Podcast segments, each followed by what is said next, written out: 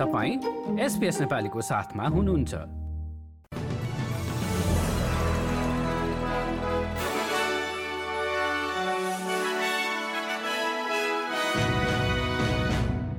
नमस्कार एसपिएसको सोमबार एघार अप्रेलको नेपाली समाचारमा हार्दिक स्वागत छ म कृष्ण पोखरेल।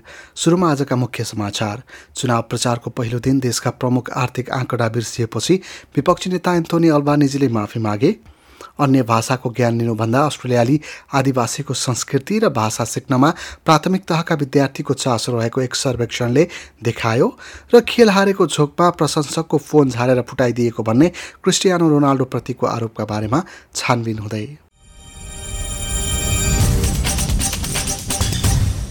चुनाव प्रचारको पहिलो दिन देशका प्रमुख आर्थिक आँकडा बिर्सिएपछि विपक्षी नेता एन्थोनी अल्बानिजीले यसका लागि माफी मागेका छन्।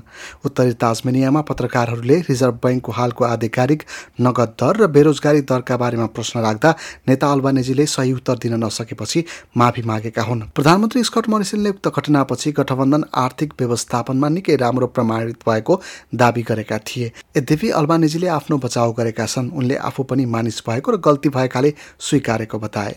Earlier today, I made a mistake. I'm human. But when I make a mistake, I'll fess up to it and I'll set about correcting that mistake.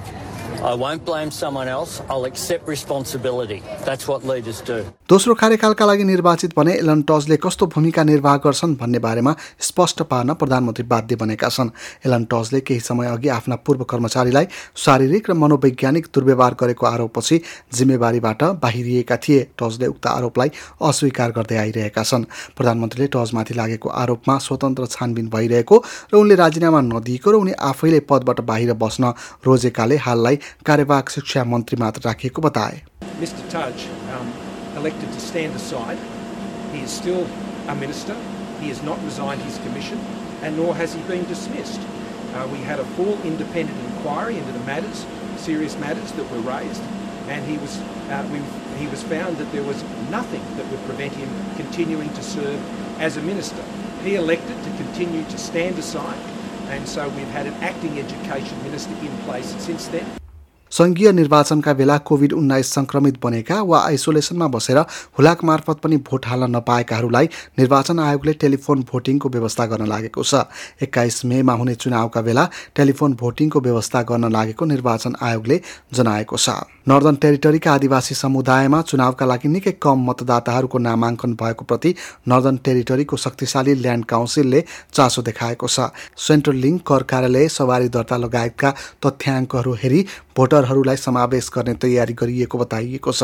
निर्वाचन आयोगले चासो नदेखाएका कारणले आदिवासी समुदायका चालिस हजार मतदाताहरूले निर्वाचनमा भाग नलिने खतरा बढेको नर्दन ल्यान्ड काउन्सिलले बताएको छ। न्यू साउथ वेल्समा आज तेह्र हजार चार सय अडसठी जनामा कोरोना संक्रमण पुष्टि हुँदा थप तिनजनाको ज्यान गएको छ। हाल राज्यका अस्पतालमा पन्ध्र सय अडसठीजना उपचार गराइरहेका छन् जसमध्ये बैसठीजना आइसियुमा रहेका छन्। भिक्टोरियामा भने थप एकजनाको मृत्यु भएको छ भने आज नौ हजार पाँच सय सन्तानब्बेजनामा सङ्क्रमण पुष्टि भएको छ। तलब सुविधाका विषयमा कुरा नमिलेपछि यातायात मजदुर आबद्ध बस चालकहरू चौबिस घन्टे हडतालमा उत्रिएपछि आज न्यू साउथ वेल्सको बस सेवा प्रभावित बनेको छ। विद्यालय छुट्टीको पहिलो दिन परेकाले यातायात विभागले निजी सञ्चालकहरूसँग समन्वय गरी कम असर गर्न कोसिस गरिरहेको बताएका छन्। यातायात मजदुर सङ्घ सँगै रेल ट्र्याम र बस युनियन उक्त हडतालमा सहभागी बनेका छन्। यता सिडनीको घरेलु विमानस्थलमा आधा कर्मचारी आइसोलेसनमा बस्नु परेपछि डोमेस्टिक एयरपोर्टमा पनि लामो लाइन देखिएको छ। अस्ट्रेलियाका प्राथमिक विद्यालयका विद्यार्थीहरूमा गरेको एक सर्वेक्षणमा जापानिज म्यान्डोरिन फ्रेन्च वा इटालियन जस्ता भाषा सिक्नुभन्दा स्थानीय आदिवासीको भाषा सिक्न इच्छुक रहेको देखिएको छ। नो योर कन्ट्रीले गरेको चिल्ड्रेन भोइस सर्वेमा सहभागी पचपन्न प्रतिशत अभिभावकहरूले यहाँका आदिवासीको भाषा र उनीहरूको संस्कृतिका बारेमा जान्नु इजिप्टको इतिहासका बारेमा जान्नुभन्दा महत्त्वपूर्ण रहेको बताएका छन्। पचासी प्रतिशत बालबालिकाले आदिवासीका बारेमा सिक्दा मनोरञ्जन लिने बताएका थिए। लेबरले चुनाव जितेको खण्डमा फर्स्ट नेसन मानिसहरूका बारेमा शिक्षा प्रदान गर्न साठीवटा विद्यालयमा शिक्षकहरू राख्ने बाचा गरेको छ। Australian punk rock band the सेन्टका प्रमुख गायक क्रिस बेलीको पैँसठी वर्षको उमेरमा निधन भएको छ। केन्यामा जन्मिएका बेली सात वर्षको हुँदा ब्रिजबेनमा बसाइ सरेका थिए।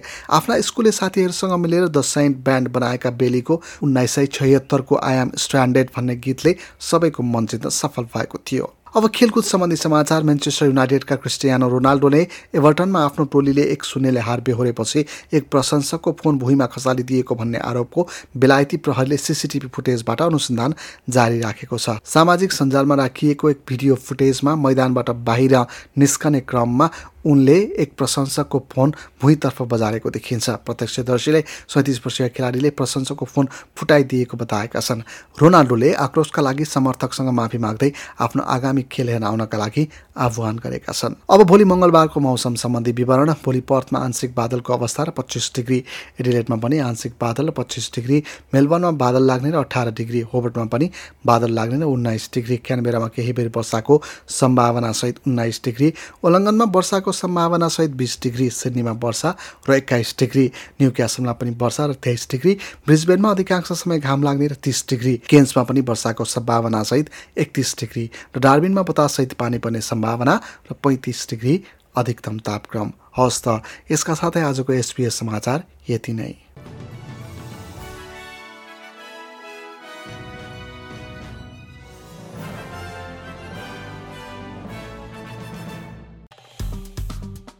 लाइक सेयर र कमेन्ट गर्नुहोस्। एसपिएस नेपालीलाई फेसबुकमा साथ दिनुहोस्।